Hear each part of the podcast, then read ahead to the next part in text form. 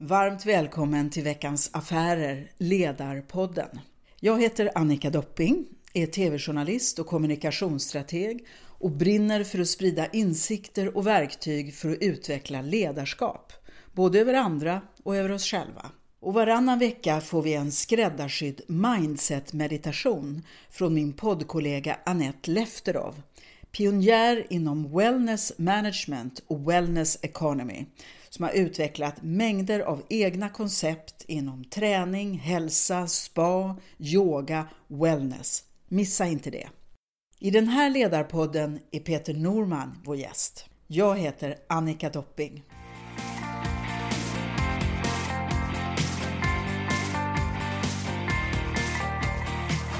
Välkomna till Veckans Affärer Ledarpodden.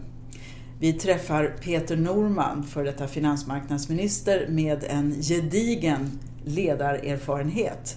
Om du först Peter berättar lite om, bara kort om din egen historik och bakgrund. Ja, jag har jobbat på ett ganska fåtal arbetsplatser med lite olika karaktärer. Jag har varit på Riksbanken i två vändor, ungefär åtta år. Jag har varit på Alfred Berg i många befattningar, många VD-befattningar.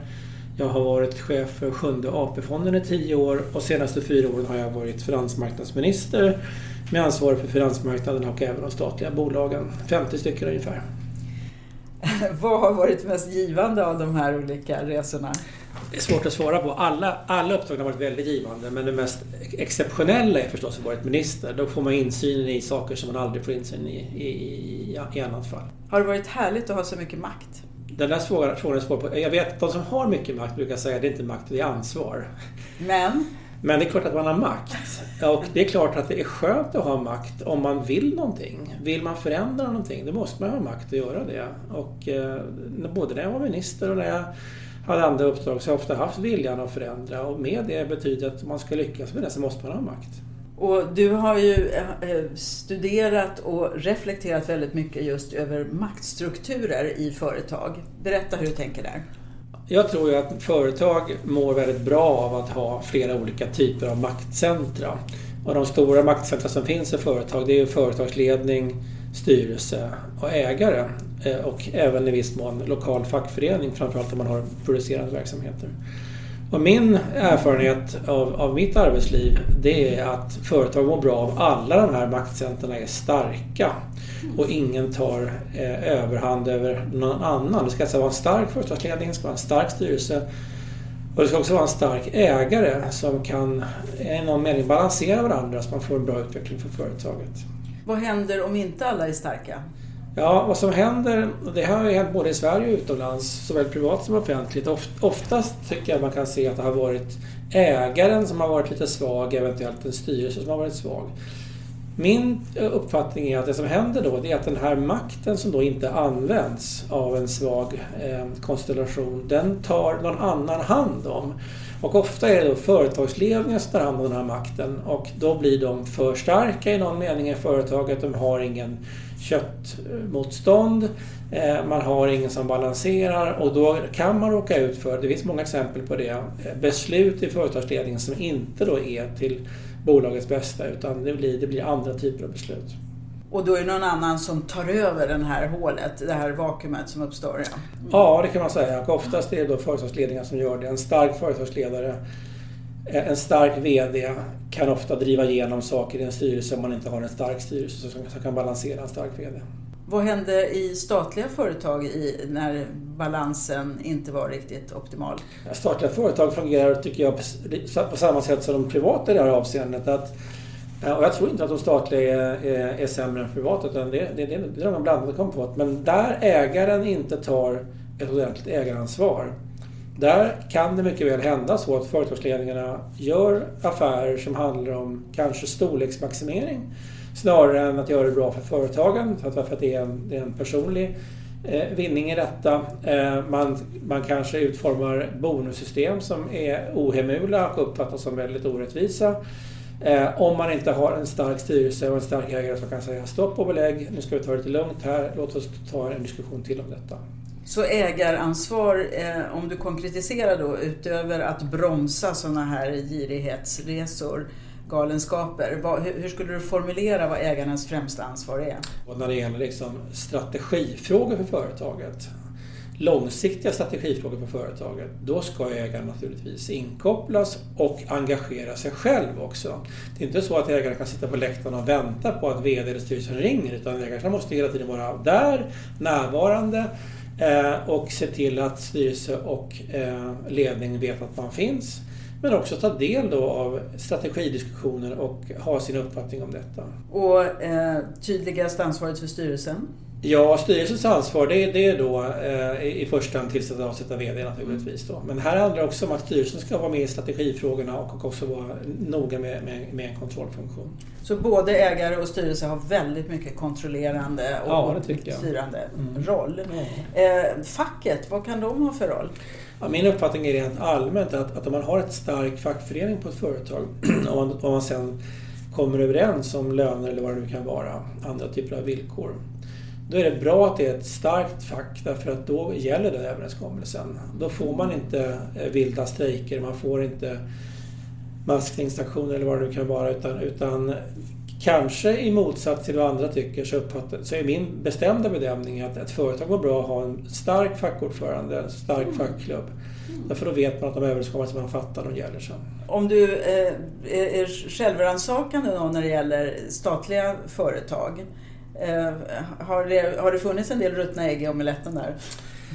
Ja, det kan man väl säga. Alltså så här. Eh, om man blir politiker, eller är politiker, då är man inte det i första hand för att man tycker bolagsstyrning är intressant. Utan det, det, det är andra drivkrafter tror jag varför man blir politiker. Det kan vara man vill eh, höja skatter eller sänka a-kassan eller vad det nu kan vara. Det handlar inte om bolagsstyrning. Och därför tror jag att de statliga bolagen har från ägarhåll varit lite åsidosatta under ett stort antal år oavsett av politisk färg på regeringen. Mm. Och det, i den meningen så tror jag att ägar, ägarfunktionen har, har decimerats lite grann eh, givet vad som hade varit bra för, för de här företagen. Mm. När, när jag kom in för fyra år sedan, 2010, då fick man ju då en minister säga ja som hade jobbat med de här frågorna tidigare. Som tyckte att de var väldigt roliga och som inte hade en normal politikerbakgrund. Jag har ju aldrig varit med i politiska partier och sånt där. Utan jag kom in från sidan så att säga. Så att jag tog mig an de här frågorna som om, det, som om jag hade varit ägare till privata bolag. Och det tror jag att de här bolagen mådde, mådde ganska bra av. För vad hände då om vi tar sådana små olycksbarn som Telia och Vattenfall? Vad var det mm. som gjorde att de gick vilse? Det är säkert flera olika, olika skäl till detta. Att de gick vilse, det var ju då ett antal år tillbaka under tidigare ministärer. Men, men min bedömning är nog att Företagsledningarna växte sig väldigt starka eh, på styrelsen och ägarens bekostnad. Och då kom det förslag från verkställande ledningen som i efterhand visade sig då inte vara speciellt eh, övertänkta, inte speciellt lyckosamma. Men styrelsen och ägaren hade inte kraft att säga nej, att sätta någonting emot detta. Det här var starka människor, oftast män naturligtvis, eh, som lyckades driva igenom det här. Eh, och, eh, det här är en läxa som vi, som vi nu får betala för. Men jag vill ändå påstå att det här händer även i privata företag. Det är inget speciellt för statliga företag. Hur populär blir man då om man kommer in med piskor och strama tyglar och styr upp och ifrågasätter och så? Min erfarenhet är nog den här. Alltså min statssekreterare som ansvarade för de här frågorna, det var Erik Thedéen som hade varit börschef tidigare. Och han har om möjligt i ännu större utsträckning än jag håller på just med, med, med bolagsstyrningsfrågor.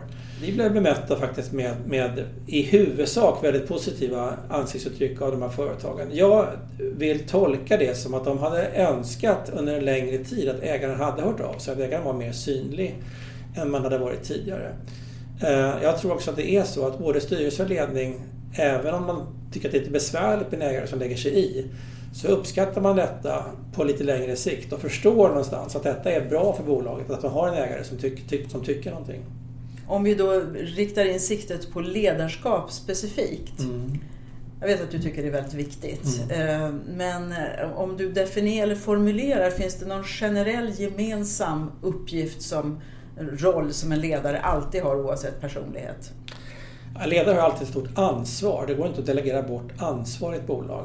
Och det måste man ta till sig och måste vara bekväm med i någon mening.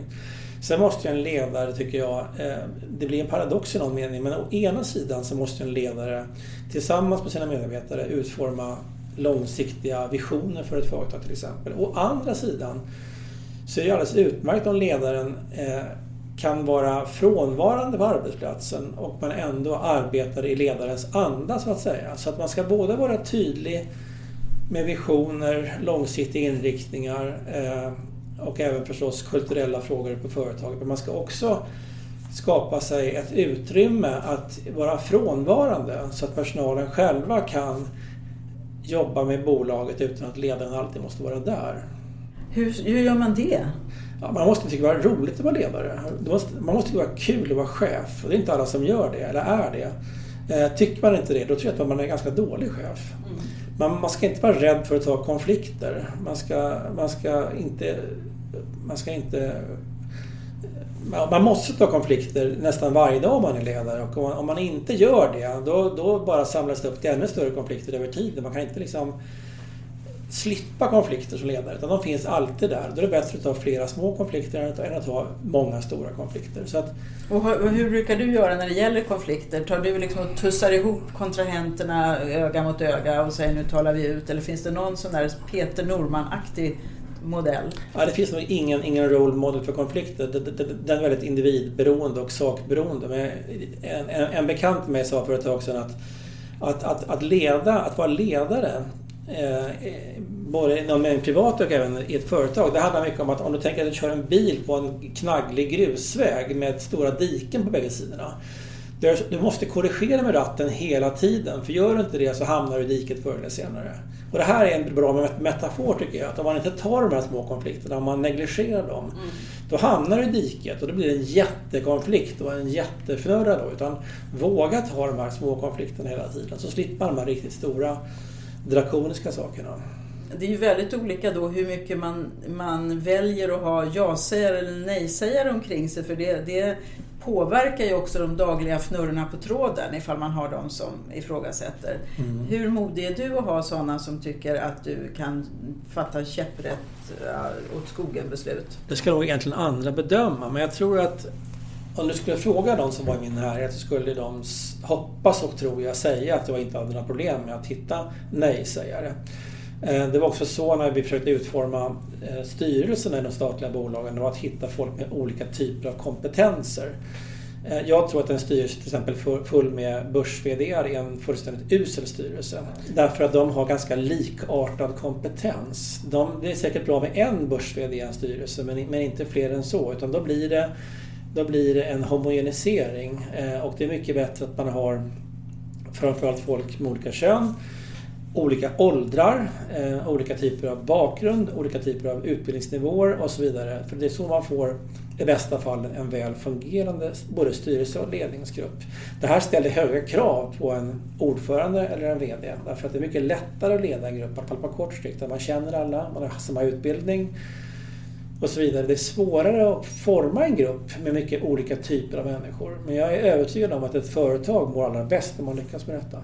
Och då betyder det att några ska våga säga ifrån och inte vara särskilt eh, auktoritetsrädda. Mm. Utan kunna eh, ifrågasätta ledarens beslut utan att darra på manschetten. Ja, i bästa fall så ska man också bli belönad för den typen av beteende. Det? Ja, alltså det, eh, Whistleblower-konceptet eh, är ju intressant. Det är ganska nyligen påkommet. Men just det här att man vågar stå för sin åsikt eh, och när man gör det så, så är det väl alldeles utmärkt när en ordförande eller VD i efterhand tar personen på tu man hand och säger det var jättebra att du sa det här.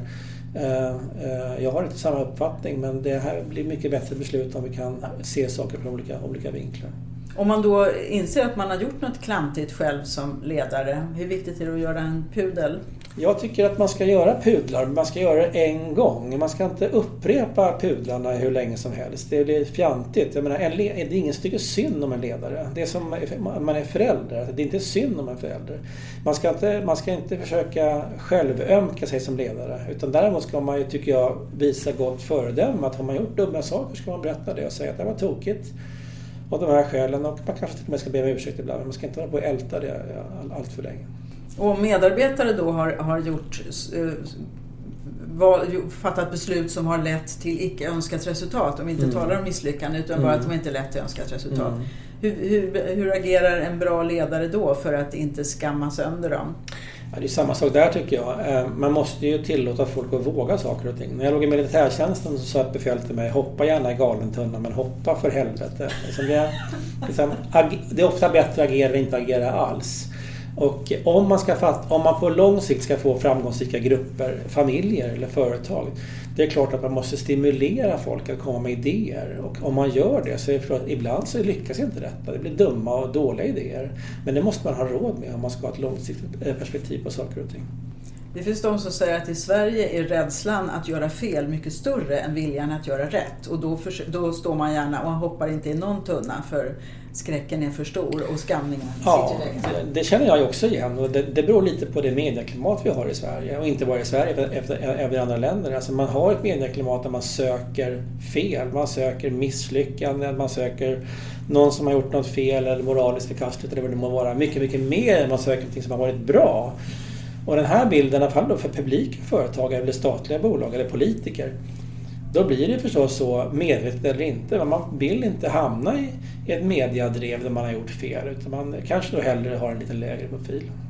När det gäller då värderingar som man önskar, eller en kultur som man önskar skapa som ledare, hur gör man för att det inte bara ska bli massa tomma ord och floskler som trycks på som ett plåster utanpå utan mm. levas inifrån? Det måste upprepas mm. och det måste tas upp på alla nivåer. Det måste tas upp hela tiden. Jag menar, värderingar är ju saker som ändras över tiden. Eh, som alla inte omfattar på en gång och så vidare. Utan här, måste, här tror jag på upprepning. Eh, när man har personalkonferenser eller man går omkring och talar med folk när som helst på dagen och så. Man då och då tar upp sådana här frågor. Värderingar är viktiga av många skäl tror jag. Det är Kunder kommer mer och mer att kräva att de bolag man gör affärer med har sunda värderingar, att de har tydliga värderingar. Och det gäller även när man ska anställa mycket begåvade, framförallt yngre människor, så är det så att har inte ett företag en värderingsuppsättning som är tydlig och som är rätt bearbetad och så, så kommer de att få problem att rekrytera folk. Så av det här skälet blir värderingar viktigare över tiden för att jag tror både kunder och framförallt ungdomar upplever värderingsfrågorna som viktiga idag och kommer att uppleva dem som ännu viktigare i framtiden. Jag kommer att tänka på min mamma som när hon var ung tvillingmamma så sa hon i något radioprogram Jag tror på tjat. Sa hon. hon mm. fick så väldigt mycket spö för det mm. för att det ansågs väldigt tråkigt att man ska behöva säga saker en gång. Mm. Men egentligen så, så bekräftar du det, att det mm. här måste upprepas. Och, kanske också tydliggöras i handling och inte bara i ord. Absolut. Och jag har själv varit både ledare och deltagare i sådana här övningar. Något som ofta är bra det är att man, det är att man konstruerar etiska dilemman som har en, en verklighetstrogen karaktär. Och I bästa fall så har man ett etiskt dilemma som är direkt applicerbart på det företag man arbetar på. Mm. Då får man ofta bra diskussioner om sådana saker. Eh, eh, och eh, det kan man sedan gå tillbaka till när man, när man hamnar i någon typ av etiska problem. Kommer du ihåg? Vi hade ju en diskussion om det här och sådär. Så det finns olika verktyg som man kan använda men jag tror också på att tjat i någon mening är, är nödvändigt i de här frågorna. För att det här rör vår magetrakt kort och gott. Det är inte liksom intellektet lika mycket, det är mycket liksom magen och där måste man bearbeta och låta det få gå runt ett tag. Det finns ju familjer som också, på något sätt känns det som det mera i amerikanska familjer som, som har hört det här. I vår familj står man inte bredvid om någon utsätts för trakasserier. Man mm. agerar och liksom att det, det, det, är verkligen som du säger, det är magen, det är mm. hjärtat, mm. det är varje fiber. Det, det, det, det vänder sig igen om man bryter mot ett mm. sånt. Det blir som ett tabu som man inte får utmana. Men hur många företag har så, tror du? Att, att man liksom vet vad skulle chefen ha gjort? Vad, skulle, vad är rätt för vårt företag? Är det vanligt att man har en sån tydlig kultur? Jag kan inte svara på det riktigt. Min bedömning är i alla fall att det här är, det här är en fråga som företag mer och mer tar på allvar och bearbetar på ett bra sätt. Och min allmänna bedömning är att stora svenska företag är ganska duktiga på det här faktiskt. Man ska ha klart över när man, när man tar upp sådana frågor så finns det ett stort antal människor som, som, som, tycker att det är så obehagligt i och med att det rör magen eller själen eller ska prata om. Mm Så att man liksom blockerar sig och vill inte ens prata om det. Och då är det ofta, i alla fall min erfarenhet, att då är det lika bra att man lägger ner det samtalet. Då kommer man tillbaka efter några veckor och tar upp det igen och så. Och förr eller senare, tycker jag, min erfarenhet är att man når fram. Men det, det, det, ofta tar ett tag innan, innan människor i allmänhet kan ta till sig den här typen av frågor. För, det, för många är det väldigt obehagligt. Men trollen spricker i solen, det stämmer. Ja, till slut så gör de det. Ja, för förnekelse är väldigt frestande många gånger. Ja, ja det är det. Men om man då ska vara den här mogna, ansvarsfulla, värderingsstyrda ledaren, då måste man ju själv vara i balans. Ja. menar, är man själv stressad och har det jobbigt omkring sig eller privat eller, eller så, då, då blir man ju lika påverkad. Liksom, då går det ju inte att hålla den här höjden. Hur ska man göra för att ta hand om sig själv som ansvarsfull ledare? Ja, det här är inga, inga, inga, inga speciella recept. utan det är väl bra att man som ledare också försöker, om man, om man talar värderingsfrågor, mm. att man försöker i någon mening följa någon litteratur på området så att man själv får stimulans och eh, idéer och sådana saker. Sen, kan jag också, sen måste, vill jag också bara tillägga att Naturligtvis är det så att värderingsfrågor är ju så viktiga långsiktiga frågor för ett företag så det här kan ju inte vdn agera ensam.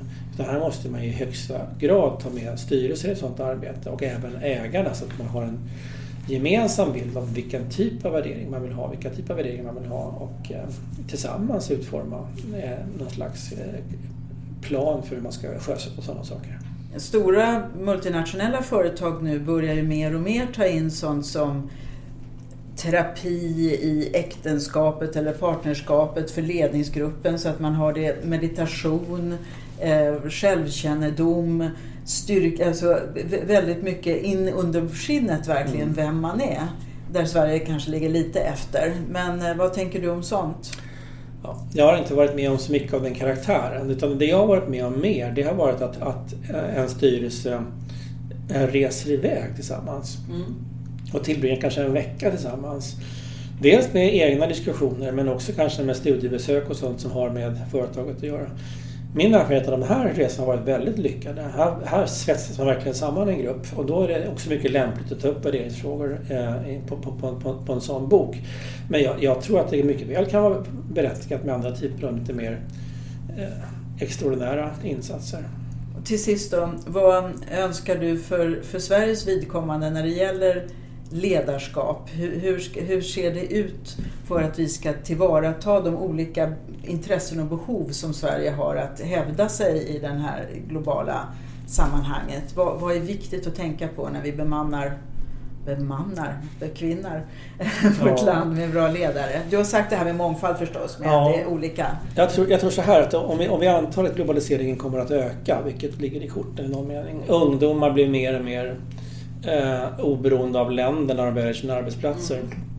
Då måste ju Sverige eh, med, med, vårt eh, klimat som inte kan tävla med Spanien till exempel hitta andra typer av, av, av morötter för folk att komma hit. Eller för folk för att få svenskar att stanna kvar.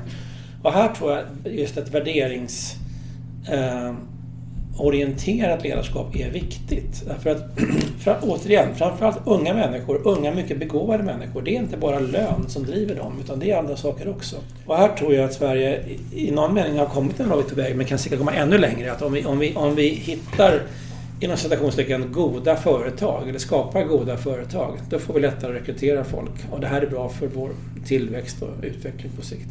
Är du optimistisk? Ja, det är jag. Det är jag. Tack så mycket Peter Norman. Tack. Nu ska vi träffa min poddkollega Annette Lefterov. Berätta lite om din bakgrund Annette. Ja, min bakgrund kan väl sägas alltid ha varit inspirerad av eh, hälsa och fokus på hur man kan fungera som bäst i sin hälsa. Mm. Ja, du arbetar med vad du kallar för wellness management. Eh, vad innebär det? Wellness management handlar om att kunna leda sig själv för att kunna leda andra. Att i sitt ledarskap stå fast och grundad i en övertygelse och i en viss balans. Och det här är ju någonting som man måste träna på varje dag. Mm, det är färskvara, alla kategorier. Jag vet att forskningen säger att en, en ledare som fungerar illa är, ställer till otrolig skada på en arbetsplats. Man får mycket, mycket bättre resultat om man lyfter bort en dåligt fungerande chef än om man vässar en bra chef bara lite, lite till. Och ändå så talar vi inte så mycket om wellness, ens, egen, ett, ens eget välbefinnande, inte bara i, i kroppen då utan i, i själen, i, i det mentala, i hela sin handlingskraft. Hur är det i resten av världen? Ja, allting expanderar ju oftast ifrån USA som grund Aha. och där är ju kan man säga allting med corporate wellness som det kallas för väldigt etablerat i företagen och man satsar väldigt mycket på det. Som jag också brukar säga, wellness economy kommer starkt. Eh, och här i Sverige så har vi väl fortfarande lite friskvårda lika med att köpa gymkort eller eh, åka på en eh, liten aktivitet tillsammans men vi når dit. Jag tycker att svenska företagen är på frammarsch med stort hälsofokus. Men det kräver personlig, individuell, skräddarsytt arbete, dagligt arbete för att hålla sig i, i form här. Ja, det bästa med, eller kan man väl säga den största möjliga utmaningen med hälsa och wellness är att där kan ingen lura någon. Alltså man måste kunna hålla sin balans och man kan inte luras på något sätt där utan det är en verklighetsförankrad känsla och vetenskap. Jag vet att du tyckte om det här när du lyssnade på Peter Norman om när han talade om att ledarskap är som att, att ratta på en grusig liten väg, som en slirig väg. Eh, vad var det du fick för association där? Jag tyckte det var en underbar eh liten metafor eftersom jag brukar säga att hälsa är lika med funktion. Och då brukar jag alltid göra liknelsen till livets bil. Alltså våran kropp, den är som en bil och våran tanke, det är som en radiostation som ska rattas in på rätt frekvens. Och så har vi själen som är bränslet. Och alla de här tre delarna måste ju fungera. Och det kallas ju ofta för kropp, tanke och själ.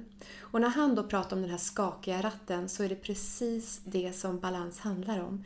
Vi står aldrig i perfekt balans. Hela tiden försök att ställa dig på ett ben och se vad som händer. Foten som är kvar i marken, den skakar lite och du försöker att balansera. Och om vi kan förstå det här, att balans handlar om att balansera obalansen, då kan vi bygga en verklighetsförankrad balans.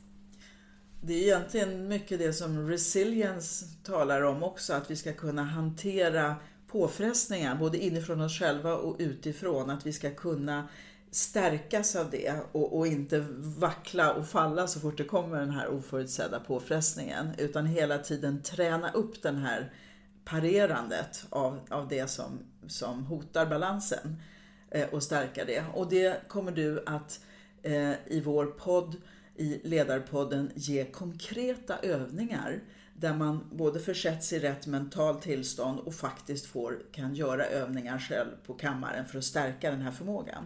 Mm, precis det du säger nu att det handlar om att kunna stå sig stark brukar jag prata om som en övning som ni ska få prova sen. Och det är själva grunden att stå stilla. Och det här är ju busenkelt kan man tycka, men jag ska bara stå stilla med fötterna tätt ihop och andas, det är väl ingen konst. Men det är just ofta det som är konsten, att kunna sakta in och stanna upp och jobba upp en mental och fysisk kraft som gör att man kan bli icke-reaktiv på stress och utmaningar. För det är där det handlar om idag. Att självskyddet handlar om, är jag så starkt och närvarande i min kropp att jag kan stå emot när de här vindslagen kommer, när det är konflikter, när det är kraft och energi eller när andra människor mår dåligt. Alltså när man ska leda andra människor så måste man kunna ta så många livssituationer, så många energiläckage eller överslag. Alltså allt det här ska du balansera som ledare och därför är den här typen av bergposition som jag brukar kalla att stå stilla och stadig extra viktig i, eh, ur ett ledarskapsperspektiv. Ja, för det här är ju då en, en yogabaserat tänkande kan man säga. Och yoga har ju exploderat i Sverige, även om det finns många personliga tolkningar så tycks det som den här mångtusenåriga kunskapen om vad som stärker oss är mer aktuell än någonsin. Absolut, och jag tycker det är eh, kan man säga resultatet av att det fungerar. För det som fungerar, ja, det blir populärt. Och här får man ganska snabba resultat oavsett vilken typ av yoga man eh, utövar. Så det finns ju rätt mycket. Men ur ett ledarskapsperspektiv så är det så att jag brukar se varje företag som ett yogapass. Man säger att yoga bygger styrka, balans och smidighet i mm. kropp, tanke och själ. Och det här tycker jag även att varje företag måste ha. Styrka, balans och smidighet i ledarskapet, i personalen, i strukturen och tillbaka till ekonomin då. Wellness economy. Så vad innebär det att ha en smidighet där? Styrka kan vi förstå att det finns de musklerna på olika sätt. Vi kan förstå Eh, att det finns en eh, balans mellan, precis som Peter också pratar om, allt ifrån maktstrukturen i företaget och i individerna. Men smidighet då? Smidighet är ju att oavsett om vi har en plan så är det inte alltid så att det går enligt plan, som Napoleon sa. Det bästa är att ha en plan men sen när det väl gäller så gäller det bara att agera. Och för att kunna ändra sina planer, att vara på något sätt eh, förankrad i denna situation så måste man ju ha en smidighet. Att hela tiden ha alternativa vägar. Och då brukar jag säga att alternativa vägar, alternativ medicin, alternativt tänk, det går ju också ihop i ledarskapet. Men allt ifrån att en styrelse ska träffas och två stycken är sjuka till dagen så blir det en förändring. Och allt handlar ju om förändring. Vi är hela tiden utsatta för förändring i varje sekund. Vi vet inte vad som händer om fem sekunder. Vår mikrofon kanske kommer gå sönder om fem minuter. Så att jag tror att det, det är där jag pratar om smidigheten. Som i sin tur kräver en förankring inuti? Ja, för att om du inte är förankrad att kunna möta en snabb förändringsprocess eller ett snabbt alternativt sätt att leda någon så då, då, då står du ju i en annan illusion. Och yoga pratar väldigt mycket om verklighet kontra illusion. Att vi har lättare att ta på oss en illusion. Att låtsas att så här är det. Vi gör en föreställning och det är också ett sätt att, att leda sig själv. Men samtidigt så måste vi vara i våran verklighet. Och till sist, något som du också reagerade på med Peter var i ledarens anda. Då såg du mycket nöjd ut. Ja, men det tycker jag. Jag tycker ju att andetaget är ju, kan man säga, grunden till allt inom yoga, meditation, mindfulness. Vi ska andas vårt liv igenom och vi kommer en dag dra vårt sista andetag. Men på vägen dit så tycker jag att vi ska vara mera medvetna i varje andetag. För när vi blir medvetna i andetaget så startar positiva processer. Och jag tycker att det tysta ledarskapet, det är när en ledare andas in sin känsla i företaget och då på något sätt är närvarande även när han inte eller hon inte är på plats. Nästa vecka är det dags att ta del av Annette Lefteroffs första mindset-meditation Stå dig stark. Veckan därpå är Ledarpoddens gäst Jan Karlsson. Varmt välkomna tillbaks!